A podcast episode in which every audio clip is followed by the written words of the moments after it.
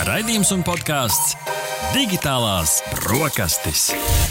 Tava ikdienas tehnoloģiju ziņu deva kopā ar Arti un Rihardu. Labrīt, klausītāji! Digitālās brokastis ir kopā ar jums. Kā jau katru piekdienas rītu, tehnoloģija aktualitātes, gadgeti, dažādi sociālo tīklu uzplaiksnījumi, zinātnes sasniegumi, īsāk sakot, tā ikdienas tehnoloģija ziņu deva. Un ar tevi, kā jau katru piekdienas rītu, pie digitālās plīts stāv šefpavārs Artis. Un ar mani kopā ir tehnoloģija gurmāns Rihards, kuram, starp citu, vietā runī visiemīļotākā funkcija ir teksta ziņu sūtīšana. Labrīt, Rihard! Labrīt, Arti, un labrīt, klausītāji Latvijas Rādio 1 un Radio Naba tiešraidē. Sveicieni arī visiem tiem, kuri klausās vai skatās mūsu ierakstā. Digitālās brokastis, kad vien vēlaties, varat baudīt populārākajās podkāstu platformās, Latvijas Rādio arhīvā, LSM.CLV, NABLV, kā arī Latvijas Rādio YouTube kontā. Tur ir esi no tās teksteru paudzes, kuram nepatīk, ka viņiem zvana, bet drīzāk uzrakstīja. Es esmu no tās paudzes, kad uh, bija sākotnēji iespēja tikai Pasta zvanīt, baloži un griežot ripu. Un tad varēja piezvanīt kādam, un tad, kad parādījās iespēja uzrakstīt īziņu, tas bija milzīgs, milzīgs pavērsiens. Nevelti eh, runājam par uh, telefoniem un vietāluņiem, jo šodien, 17. septembrī, digitālajās brokastīs, mēs servēsim uh, šodien divās daļās. Pirmkārt, subjektīvi ob objektīvais tehnoloģiju ziņu top 10, un otrajā daļā parunāsim par vietāluņu tendencēm, par funkcijām, kas mums varētu sagaidīt nākotnē, kur mēs šobrīd esam un ko mēs varam gaidīt no tiem. Uh, tas mums viss vēl sagaida priekšā, bet šobrīd paskatīsimies, ko mums saka mūsu sekotāji. LSM.CLV Instagram kontā stāstos nedēļas sākumā prasām jums jautājumu saistībā ar digitālajām brokastīm un kontekstā ar pagājušās nedēļas ziņu par to, ka Salvadorā bitkoins tika ieviests kā tās otrā valoda, vaicājām, valūta, vaicājām jums, vai tu atbalstītu bitkoinu kā Latvijas otrās, otro valūtu? Rihard, kādi rezultāti? Jā, nu tad uh, mēs neesam tik atbalstoši kā Salvador.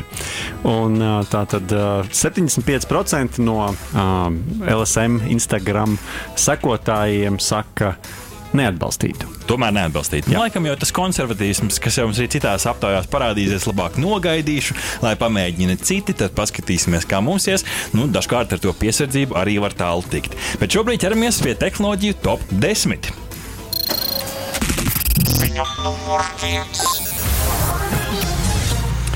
Ziņa numur viens šajā rītā no kosmosa tālēm, jo no Kenedija kosmosa centra Amerikas Savienotajās valstīs veiksmīgi startējusi kompānijas SpaceX nesēja raķete ar kosmosa kuģi Dragon. Kā to pastāstīs ap citu rīta panorāmu.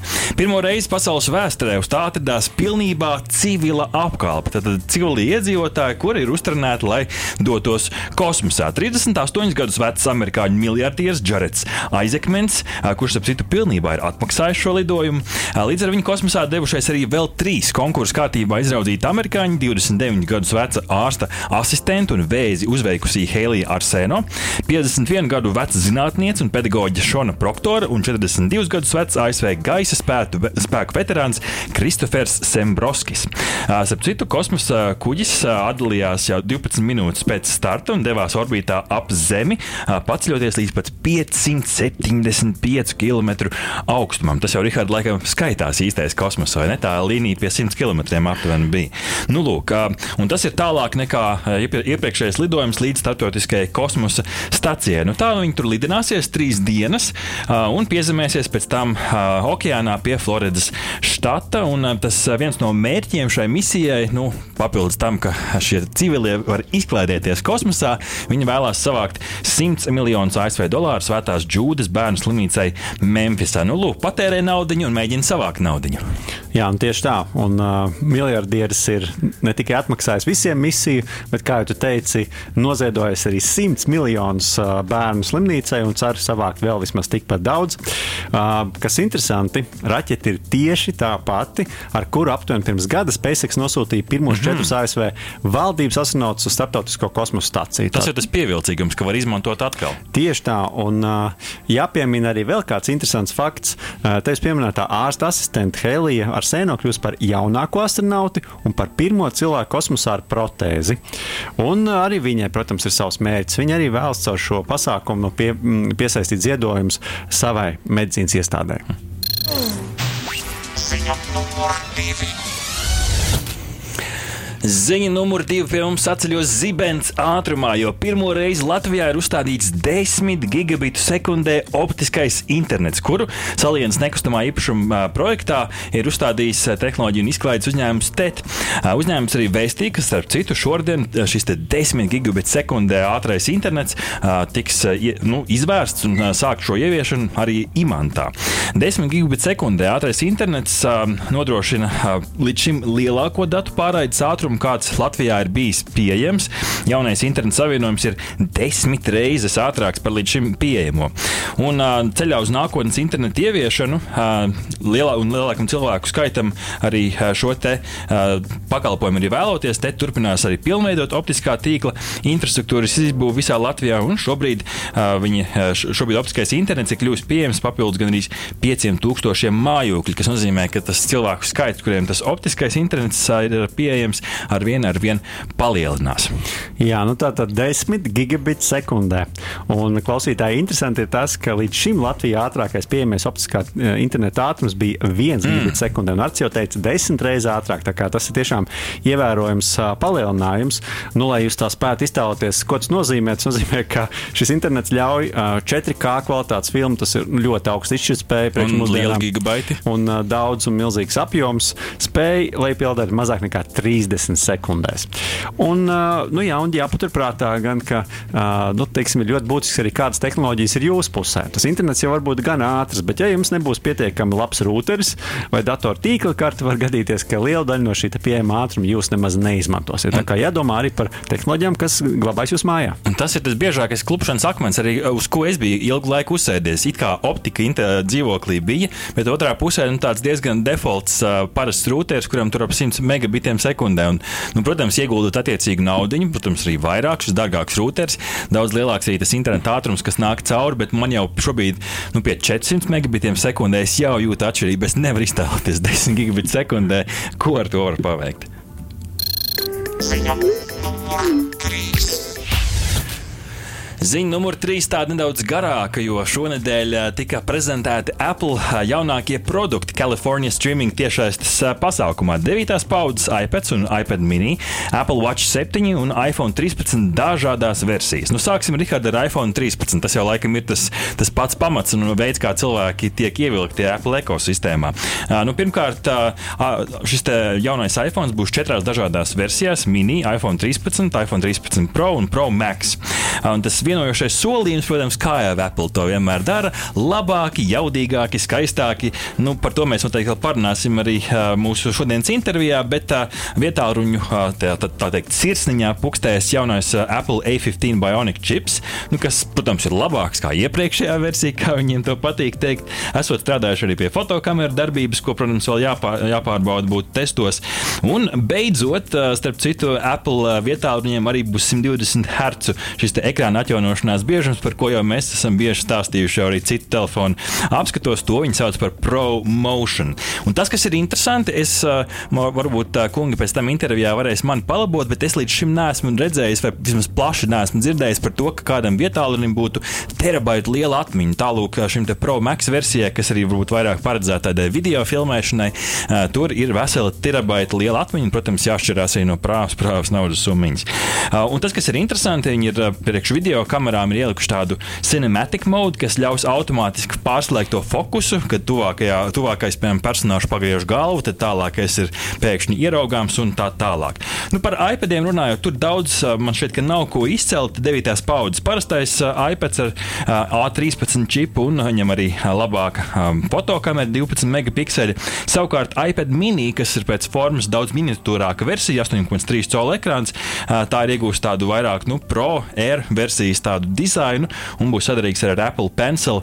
Mēs jau ar Rihardu skatoties prezentāciju nosmējāmies, ka tur līdzi nāk arī īpaša bikšu kabata šim mazajam iPadam, kur tad to ielikt. Bet, ja mēs iztēlojamies tādu, nu, piemēram, Zīfold 3 atlokām vietā, un tad tas ekrāns praktiski tā, tāds Zīfold 3 izmērā. Tā Tikai kā, nedaudz garāks. Nedaudz garāks, jā. Un savukārt Apple Watch 7 par pāris milimetriem lielāks ekrāns, pateicoties arī liektajām ekrāna malām. Nu, attiecīgi šis platākais ekrāns ļaus attēlot vairāk tekstu, dažādas pogas būs lielākas. Un interesants šit arī šis Sirija atbalsts, ka caur, caur pulksteni varēs dažādas darbības labāk veikt. Jā, nu, jāatzīst, ka šī prezentācija nepārsteidza ļoti daudz ko, bet uh, tieši kā reizes tevis pieminētais Apple Watch 7 man likās viena no tādām interesantākajām sadaļām kopumā. Bet, bet ir skaidrs, ka, skaidrs, ka tur tā sāncensība starp Android telefoniem un uh, iOS sistēmas telefoniem uh, notiek. Mēs jau zinām, ka bieži vien uh, Apple iet tā nedaudz nopakaļus, bet nu, tad, kad viņi to dara, tad viņi ievieš tiešām ļoti kvalitatīvi. Nu, tāds, tāds, tāds parasti ir tas, ko. Tas, ko saka Nu, eksperti. tā pasniegt, Jā, jā, tieši tā. Bet uh, jāpiekrīt, ka tā viena terabaita lielā atmiņa gan ir kaut kas tāds, ko es iepriekš nebiju dzirdējis. Un, uh, nu, tas, tas ir tāds, tāds uh, jaunums. Bet kopumā nu, droši vien dzīvosim, redzēsim, jāsāk lietot, un tad jau varēs saprast, vai tiešām tie, tie vārdi attaisnosies arī ar darbiem. Numur 4. Jaunas vietāluņus ā, prezentēja arī Xiaomi, ā, kas ā, parādīja pasaulē ā, 11T, 11T Pro un 11 Lite versijas. Un šie savukārt jaunie vietāluņi cenšas pārsteigt uh, tirgu ar tā uzlaboto video kameru un super ātrā uzlādi, kā raksta CNET.com. Tātad Xiaomi 11T un 11T Pro vietāluņi uh, būs nu, šī uzlādes jauda, iespējams, ir skaļākais virsraksts, kas no šīs prezentācijas ir iznākusi ārā. Un, Rihard, te paklausies. Hypercharge uzlāde 120 vatu un spēs uzlādēt no 0 līdz 100% 17 minūtēs. Nu, kas ir vidējais tāds ātrums, cik vietā uzrādē? Nu, stundu, stundu Stundu, 30 pusotru, vai ne? Pusotru drīzāk jau. Te, šeit 17 minūtēs burtiski tur redzi, kā tie procenti skrien uz augšu. Attiecīgi abiem vietāluņiem ir 6,67 colu ekrāns, diezgan liels, es teiktu, liela izmēra, liela izmēra telefons. Un arī šiem ir iepriekš minētā jau 120 Hz ā, ā, biežums, kas nu, tie tā, lai jūs klausītāji saprastu, brīdī, kad jūs skrolējat cauri kaut kādām ziņām vai arī skatāties kādus, nu, piemēram, spēlēt video spēles, tā, tā sajūta ir nedaudz tāda plūdenāka un nav tā, ka kaut kādi kadri pa, vir, pa vidu arī izlec ārā. Abiem modeļiem iepriekš minētajiem ir četras dažādas fotokameras, 108 megapikseli platā, protams, ultraplatā telemakro un arī, protams, 16 megapikseli selfiju kamera. Tad ā, tāds diezgan plašs un kamera aprīkojums. Es teiktu, ka salīdzinot ar Apple, šie te megapikseli varbūt izskatās pat labāki, ā, bet nu, par ā, kamerām mēs arī vēl noteikti parunāsim, vai tiešām tie megapikseli ir tie, kas visu nosaka. Jā, tieši tā. Un kas man liekas interesanti, ka gan Apple prezentācijā, gan arī šeit ir, ir diezgan liels uzsvars uz kamerām un uz tām, spē, un uz tām video uzņemšanas spējām un īpašajiem veidiem, kā to darīt. Un, tad Apple bija tas īpaši, īpašie veidi. Noteikti klausītāji varat papētīt sīkāk, kāds cinematic, kā viņi saka, view, bet šeit ir cinemagic šim telefonam. Un viņi piedāvā dažādas funkcijas. Magic Zoom, kas īpašā veidā pievelk priekšā esošu objektu, Time Freeze, kas spēj iesaldēt daļu no kadra, un Telemakro, kas spēj pielikt pavisam smalkas detaļas augstā kvalitātē. Tā kā nu, kameras ā, vienmēr mums ir bijušas ļoti svarīgas, un nav brīnums, ka ar tām arī cenšas piesaistīt ražotāju. Ziņa numur 5.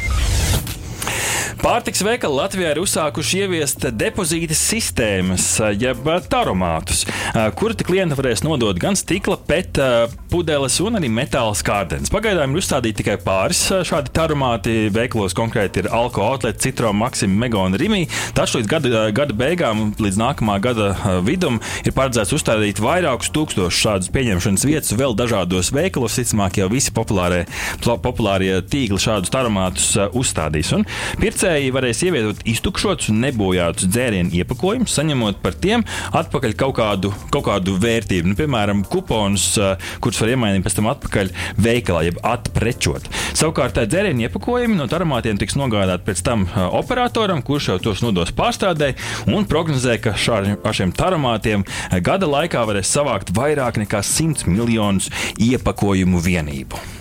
Jā, nu, interesanti, kā notiks tā praktiskā visa īstenošana. Es redzēju, bildīt, ka pirmais jau tā armāts ir. Tur jau bija izveidojusies diskusija par to, ka viņš ir iekštelpās, nevis ārtelpās. Tas nozīmē, ka cauri diennakti pudeles nodot nevarēs. Un visi cilvēki, kuri gribēs tās nodot, tie nāks iekšā veikalā. Tā kā nu, interesanti, kāds attīstīsies. Un droši vien arī esat jūs klausītāji, kādreiz ārzemēs esat ievērojuši, ka cilvēki nu, pilnīgi rauj no rokām ārā tās pudeles īpaši turistiem, jo viņas maksā reāli naudu.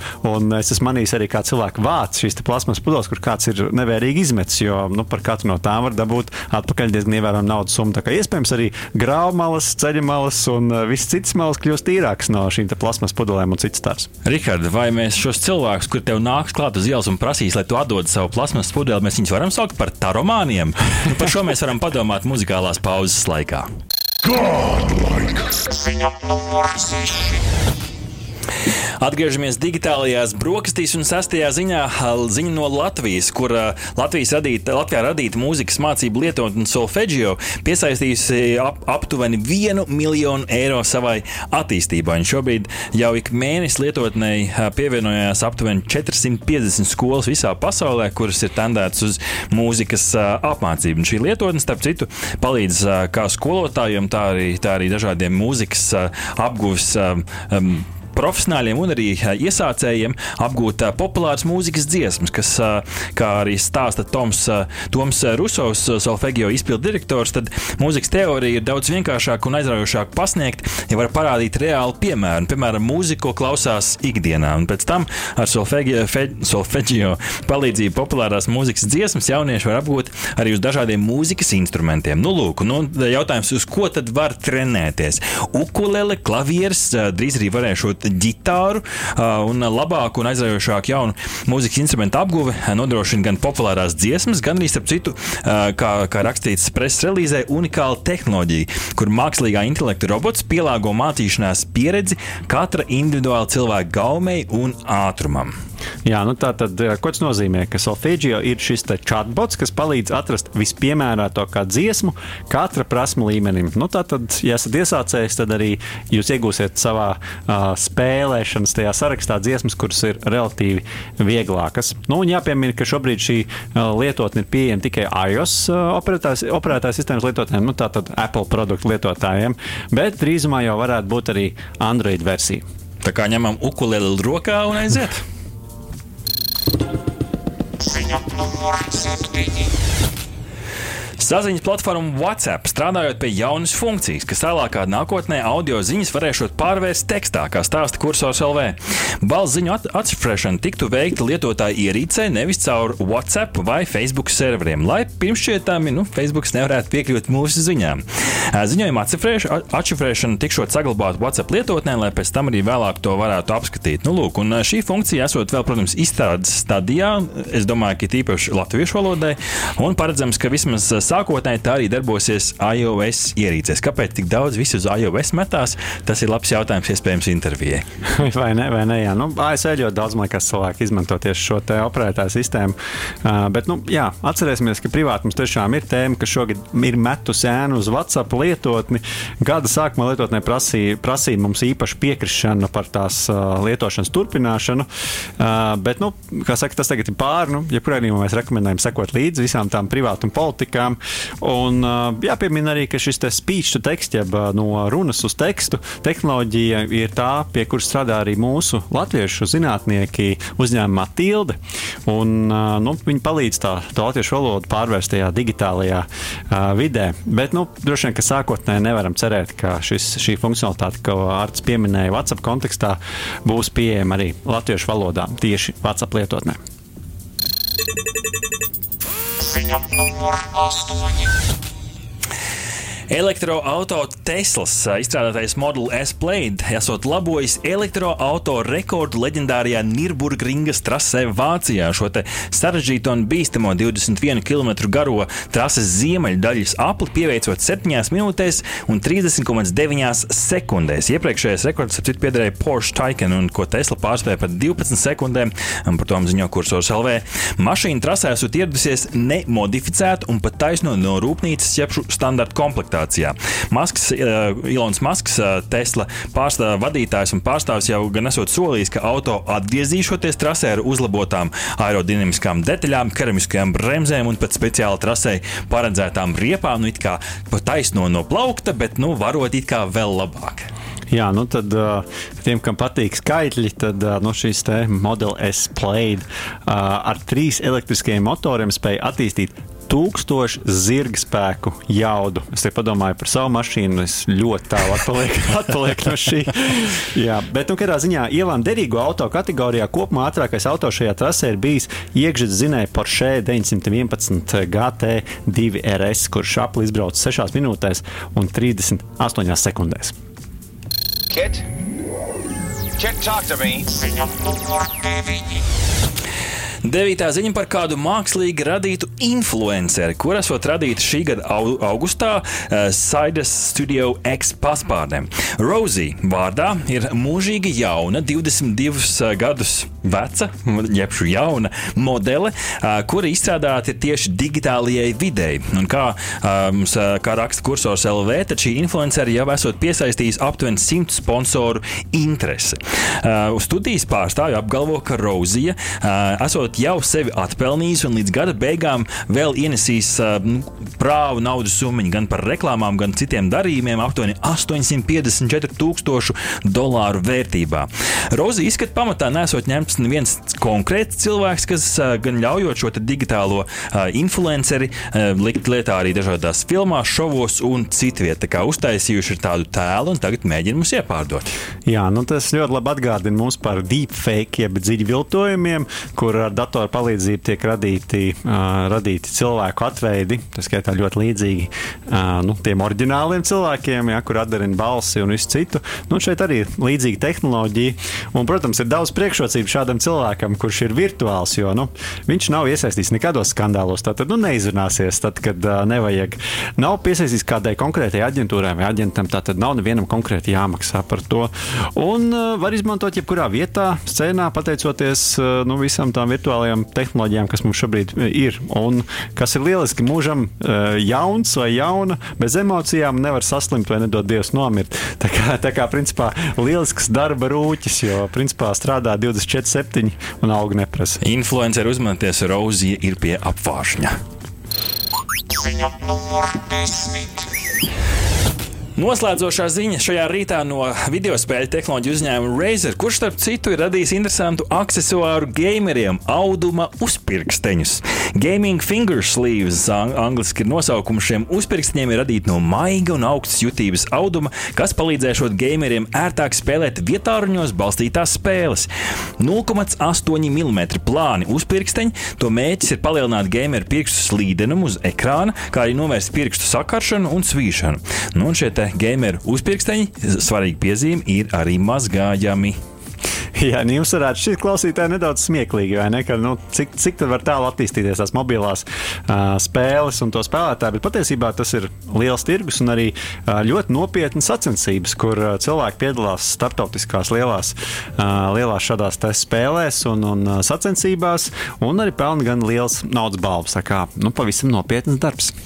Nu, redz, kā pabeidzām ar vietāluņiem, ar vietāluņiem arī turpināsim sarunā par to tendencēm un nākotni pēc muzikālā baudījuma. Ko liksim uz kārā zoba?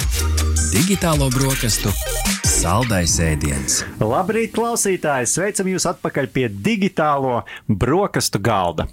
Mobili telefoni ar katru gadu kļūst ar vien jaudīgāki un tehnoloģiski advancētāki, un reizēm pat šķiet, ka daži no parametriem jau kļūst aizdomīgi iespaidīgi. Nu, piemēram, simtkārtīga pietuvinājuma iespēja attēlu uzņemšanai vai arī 100 megapikseļu kamera. Lai vai kā pavisam nesen vairāk no lielajiem mobilo telefonu ražotājiem ir izlaiduši jaunus vietāluņu modeļus, kuri atkal cenšas pārsteigt mūs ar to sniegtajām iespējām. Kas ir jaunākās tehnoloģijas un galvenās tendences mobilo telefonu piedāvājumā, vaicāsim mūsu šīs dienas raidījuma viesiem. Lauris Āboliņš, tehnoloģija apskatnieks, YouTube kanāla konsumers vadītājs. Labrīt! Labrīt, labrīt, puiši. Un, protams, Kristaps Skutels, tehnoloģija bloga kursors LV izveidotājs un galvenais redaktors. Sveiks, Labrīt, Kristap! Kristap! Sveicināti, sveicināti.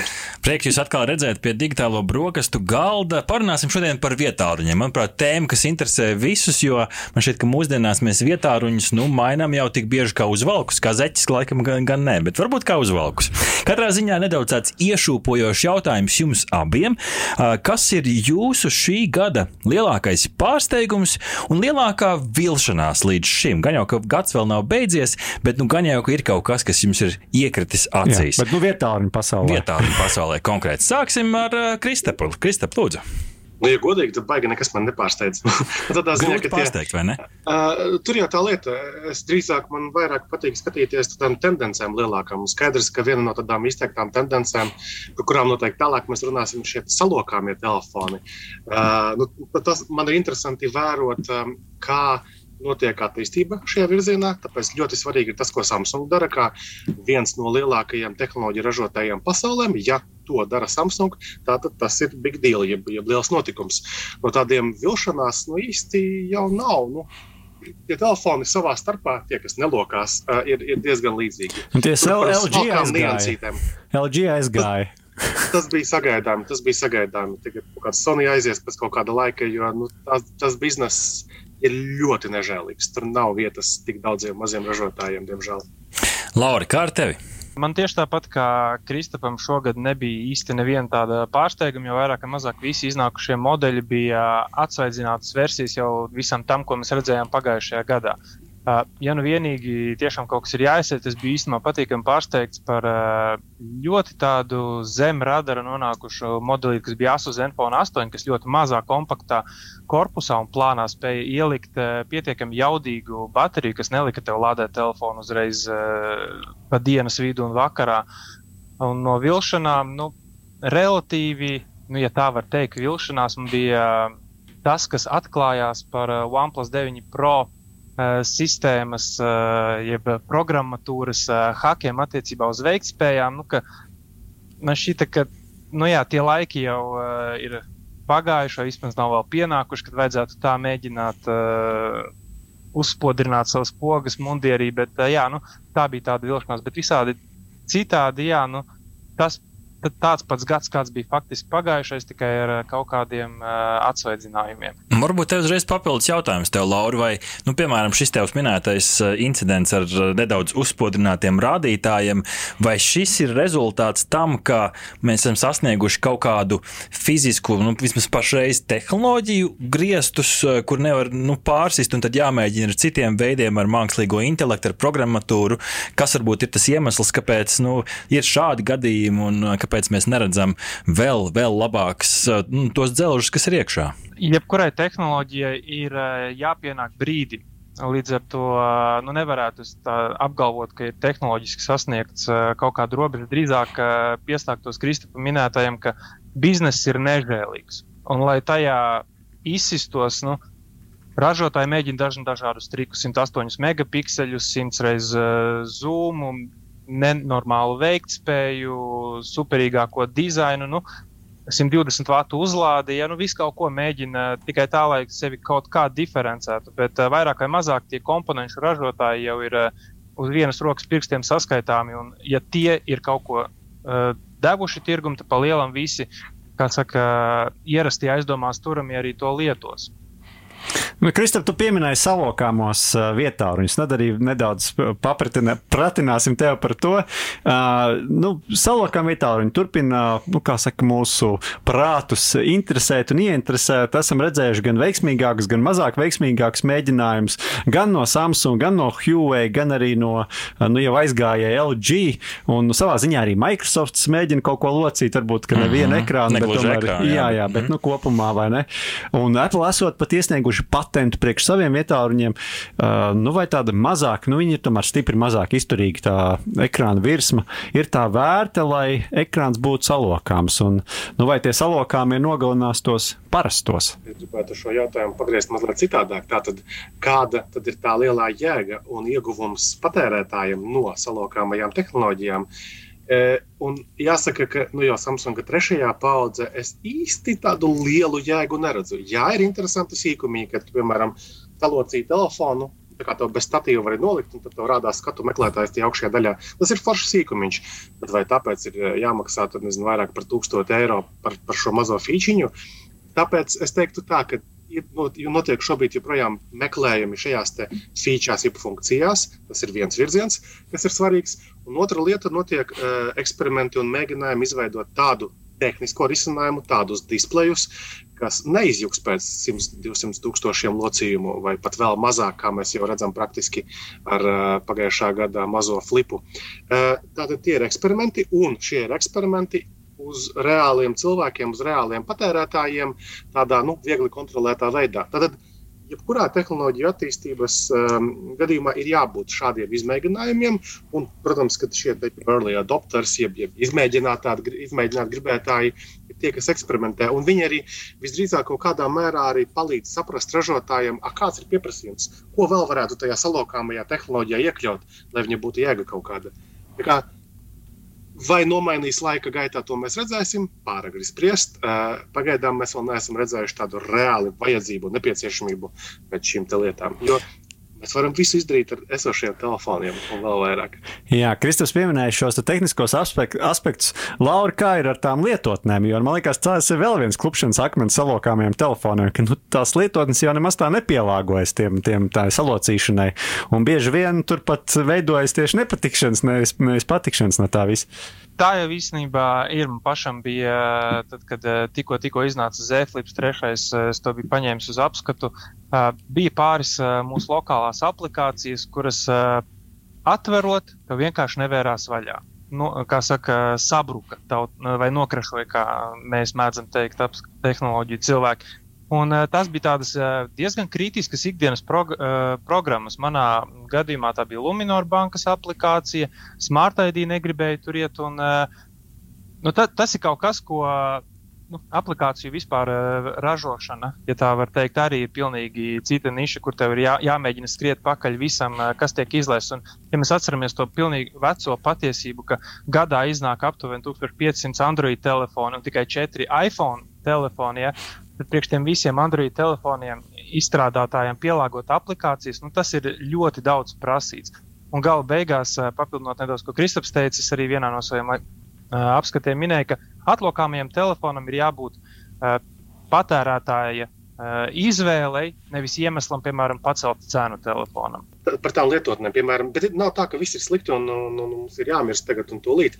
Piemēram, ja mēs kaut kādā teiksim, lietojam to te Samsung Galaxy uh, Fold, to lielo atveramo, mm -hmm. un atveram uh, to pašu YouTube. Uh, tad es domāju, ka mēs būsim ļoti iepriecināti par to, kā izkārtojas YouTube video, komentāri un šie elementi atvērtā statusā. Tātad, ja iegulda darbu un mm -hmm. pielāgo lietotni šim jaunajam formfaktoram, tad ir jēga, tad ir forši, bet tam ir nepieciešams ārprātīgs laiks, ārprātīgs teiksim, ieguldījums resursu. Mēs eh, LSM Instagram kontā prasījām sekotājiem eh, tādu jautājumu, cik bieži tu pēc jaunu vietāru. Un kā es skatos eh, rezultātos, tad mēs prasījām vai nu biežāk, biežākā reize divos gados, vai retākā reize divos gados. Un šeit Rihards vairums 91% vismaz no sekotājiem, protams, ne jau reprezentīva aptauja, bet nu, sekotāja aptauja izstāsta, ka cilvēki retākā, divas, retākā reize divos gados maina vietāru. Un šeit noteikti lielu nu, lomu spēlē jau Laura pieminētais cenas faktors. Nu, varbūt, ja, Krista, pavaicāsim tev, tu noteikti esi redzējis dažādus, dažādus modeļus un seko līdzi arī tām cenu izmaiņām. Cik tavuprāt, šobrīd ir pamatots, nu, es teikšu, tas cenu kāpums. Vismaz no manas subjektīvā skatu punkta, tie cipari aug un aug ar katru modeli, ar katru atmiņas apjomu. Vai tas ir kaut kāds mārketinga triks, vai tiešām nu, tām cenām ir kaut kāds pamats apakšā? Um, Ziniet, kā ir? Teicu, ka skatījos teiksim, reāli uz, uz, uz datiem, cenu, un kopumā bija viens kāpums tāds izteikts uh, pirms dažiem gadiem, bet tagad, uh, teiksim, ja, ja mēs piemēram paraugāmies uz, uz iPhone, tad nav tā, ka visi ar katru gadu jaunākie iPhone paliek tikai dārgāki. Viņi pat turās vienā līmenī vai atsevišķos, teiksim, atmiņas versijās, bišķiņ lētāki paliek. Tāpēc es teiktu, ka tas līdz tūkstotim tika eiro un, un tur tur levitē. Ja tu gribi lielās atmiņas versijas, protams, būs dārgāk, bet ap 1000 tu vari nopirkt nu, teiksim, samērīgas atmiņas versiju Android pasaulē. Atkal flagmaņu gadījumā ap, līdzīgi, 1000 un uz augšu, bet Android burvība ir tāda, ka tu vari iegādāties, kā jau Lauris minēja, tur 100 modeļus līdz 1000 tiem, tiem eiro mm -hmm. kopumā. Tas, ko tu vari dabūt par noteiktu naudas daudzumu, nezinu, 200, 300, 500, 700 eiro, ar katru gadu tu tehnoloģiju ziņā vairāk dabū. Tehnoloģijas kopumā paliek pieejamākas. Tāpēc nav tā, ka viss ar katru gadu paliek tikai dārgāk. Mm -hmm. Un tad ir atsevišķi izlacēji, kā piemēram šie salokāmie telefoni, bet es drīzāk viņus joprojām uzsveru kā tādus izņēmumus tieši early adopteriem, cilvēkiem, kas ir gatavi vai nu stila vai, vai jaunu tehnoloģiju dēļ ieguldīt vairāk, divreiz vairāk, pusotru reizi vairāk. Tāpēc kopumā tās liekas diezgan normāli. Ņemot vērā, protams, arī šo te, nu, pusvadītāju, jeb, jeb, jeb čipu pieprasījumu paaugstināšanos un pieejamības samazināšanos. Tas gan var ietekmēt atsevišķas mm -hmm. tehnoloģijas. Mašīnas galu galā nevar salikt kopā, jo pietrūkst čipu. Jā, nu, Kristaps pieminēja tos populāros modeļus, kur varbūt tiešām tie flagmaņi ir arī tie dārgie, bet es tad Laurim gribēju vaicāt, uh, nu, Kāpēc ir tā, ka Latvijas tirgus ir piesātināts ar tiem pāris izteiktajiem zīmoliem? Nu, pats pieminēja, cik tur tie simti Android katru gadu iznāk, un noteikti tur ir daudz arī ļoti labi par draudzīgām cenām, bet kaut kā cilvēki neizvēlas šos te pie mums Latvijā. Vismaz tāda ir arī sajūta. Jā, varbūt Tas ir jautājums. neizvēlas. Un, jā, Es, es tieši Arta komentārs bija tas, ar ko es gribēju sākt savu atbildi, bet tad jau uh, Artis mazliet var uh, pabeigt. Bet, jā, tu nevari nopirkt to, ko tev nepiedāvā. Bet, lai tev kaut ko piedāvātu, tad uh, piegādātājiem ir jāiet ar šiem lielajiem zīmoliem, ir jārunā un jāpārliecina, kāpēc. Lai viņi sadarbotos un piedāvātu šos te, uh, tālruņus šajā tirgu un uh, Baltijas tirgus kopumā uz lielo telefonu ražotāju fona ir tāds pietiekami neinteresants. Un atkal, tā visā pusotra tūkstoša spektrā ir daudz un dažādi telefoni, kas ir precīzi paredzēti vai nu kādam konkrētam tirgum, piemēram, Indijai, jo viņiem ir savas kaut kādas lietošanas īpatnības un attiecīgi tie modeļi ir pielāgoti tam. Tā ka, nu, pie mums uh, arī kopš uh, ir palikuši divi izteikti spēlētāji. Visi pārējie par trešo vietu cīnās, plēšās ar dažiem dažādiem uh, modeļiem un dažādiem risinājumiem. Tā ka nu, tur vēl, kā saka, ir uh, mežonīgie rietumi, manuprāt, lai uh, pastītos, kas tad nostabilizēsies trešajā vietā. Es jau redzu, ka Kristofers grib kaut ko pieminēt jau viņam. Jā, man, man ir mazliet piezīmīta tā tad, nu, papildinājums patiesībā. Pareizi tas, ko Lauris arī minēja, ka nu, mums ir maziņš tir- tirdziņš, tādējādi arī lielajiem ražotājiem vai jebkādiem ražotājiem. Nu, Viņš divreiz padomās, vai šeit vajag ieguldīties. Uh, kontekstam vēl informācija. Tātad Latvijā ļoti daudz mobilo telefonu tiek iegādāti pie mobilo sakaru operatoriem, nevis atsevišķi mm -hmm. retail virzienā, jeb mazumtirdzniecībā. Un uh, sadarbībā ar mobilo sakaru operatoriem ražotājiem notiek tā, ka ražotājs maksā noteiktu naudu par mārketinga aktivitātēm, un mārketinga aktivitātes ir tās, kas patērētāju iepazīstina ar vienu no 43 šobrīd pieejamiem Samsung modeļiem, piemēram, ja, un palīdz, nu, ko tad pirkt. Jo šīs te telefonu sakaro, teiksim, operatoru kampaņas taču ir tās, kas lielai daļai cilvēku vispār parāda, ka oh, ir šādi tur Galaxy A kaut kurie modeļi, oh, ir foldi parādījušies. Un, ja lielam ražotājam šis tirgus netiek, ne, ne- nešķiet pietiekami aizstošs, lai viņš ieguldītos tādās mārketinga aktivitātēs, tad neviens nezina par šiem telefoniem. Un tā daļa, kas varētu teiksim, teikt, ok, bet internetā taču mēs varam izlasīt par šādiem un tādiem, bet tā daļa nav tik liela. Un tie, kas var izlasīt, tie pasūtīs vienkārši no ārzemēm tos telefonus. Jā, un tas nozīmē, ka mēs varam aicināt klausītājus tikai meklēt arī citas iespējas. Mm -hmm. Jo, kā Inns, kas interesanti, kad mēs tiem pašiem LSM Instagram sekotājiem vaicājām, kas iegādājoties vietā un tev ir svarīgāks. Uh, 85% teica funkcionalitāte, pretēji 15%, kur teica zīmols. Tas nozīmē, ka patiesībā jau, ja cilvēki būtu meklētu plašāk, tad iespējams, ka viņi bieži vien izvēlētos ne tos populārākos zīmolus, bet varbūt izvēlētos to, kuram ir labāka funkcionalitāte. Te gan vēl ir jāpiezīmē, ka tas, ko varbūt ne- nenokomentēja cilvēki, bet visdrīzāk viņi gribētu arī, uh, lai problēmu gadījumā viņiem ir pieejams atbalsts. Mm. -hmm. Un to var nodrošināt pa lielam tie zīmoli, kas šeit ir oficiāli pārstāvēti ar servisu centriem un tādām lietām. Uh, Jo nu, diez vai mēs gribēsim uz Ķīnu vai kur nu tur teiksim, ražotos telefonus atpakaļ sūtīt, ja kaut kas mums pēkšņi ir saplīsis vai, vai, vai sabojājies. Tāpēc ir liela nozīme tam, ka ierīce tiek oficiāli atbalstīta, ka viņi reāli arī darbojas šajos tīklos un, un, un sadarbojas ar kaut kādām lokālajām lietām galu galā. Mm -hmm. Par... Nevis, nevis, nevis kā Apple ir, kas nenotulko latviešu valodā saskaram telefoniem. Vārds vietā, vārds vietā. Parunāsim par vienu no funkcionalitātēm. Pāris tādi šie tādi pamatpīlāri ir, kas, kas cilvēkus bieži vien interesē, par ko prasa, un viens no tiem noteikti ir kamera. Nu, esam redzējuši platās, ultraplatās, telefoto, telemakro, makro. Dažādi veidi, iespējams, varbūt ne tik daudz fiziskiem, bet jau programmatūru papildinājumiem, kas, kas visādos veidos to bildi uzlabo. No Lauri, no tava skatu punkta, atgriežoties varbūt nedaudz pie tās arī fiziskās, fiziskās daļas, pie dzelžiem, vai šobrīd ir kaut kādi kameras griesti, un tāpēc ir nu, dažādi šie te, uh, brendu nosaukumi, kā tik vien var nosaukt, lai tā kamera, kas varbūt ir tas pats, uh, tas pats vēzītis, lai tikai tas šķistu interesantāks. Ko, kāds ir tavs viedoklis par kamerām? Pirms parādījās tie izteiktie kameras uh, moduļi telefonos, neviens nevarēja, vai arī retais iedomājās par to, ka tu kameru vari likt nevis taisni, bet pagriezt viņu pa 90 grādiem un tādā veidā iebāzt iekšā. Līdz ar to es domāju, ka ir nedaudz tikai jāpagaida, kad gudrie inženieri no austrumiem izdomās kādu veidu, kā vēl iebāzt vai nu dziļāk korpusā, vai vēl kaut kā tā, ka tehniski es domāju, ka kā arī jebkuru tehnoloģiju griezti noteikti nav sasniegti. Ir, telefonu korpusu un lietošanas īpatnības ir tās, kas varbūt kaut kādā mērā šobrīd ierobežo. Bet man gribētos teikt, ka viennozīmīgi lētāks risinājums ražotājiem ir izmantot mākslīgo intelektu, lai uzpucētu fotogrāfijas, nekā mēģinātu rast fizisku risinājumu, izmainīt kaut ko savos telefonu dizainos.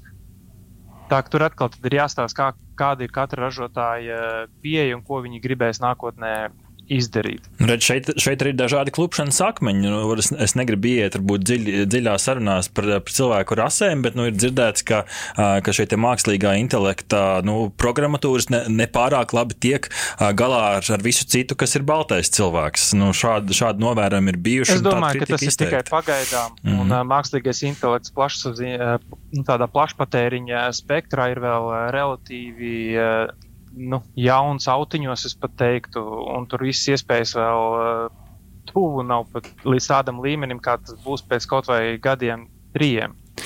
Man savukārt jautājums Kristapam. Gan jau, ka viņš gribēs papildināt arī par šo, bet, bet man, man gribās saprast, nu ir tie mūsu tie ultra telefoni, ja, kur ir tie 100 megapikseli, un tad mums ir uh, arī flagmaņi, kuriem ir nezinu, 15. Nu, kāda tā starpība ir? Vai ir vērts skatīties tiem skaitļiem, vai absolūti nav jēgas? Tātad šie galējie skaitļi, protams, ir mārketinga triks, jo es domāju, Lauris arī apstiprinās, ka nu, no 100 x zūma, ja tuvinājuma, nu nav baigi liela. Ir interesanti, praktiskas jēgas nav.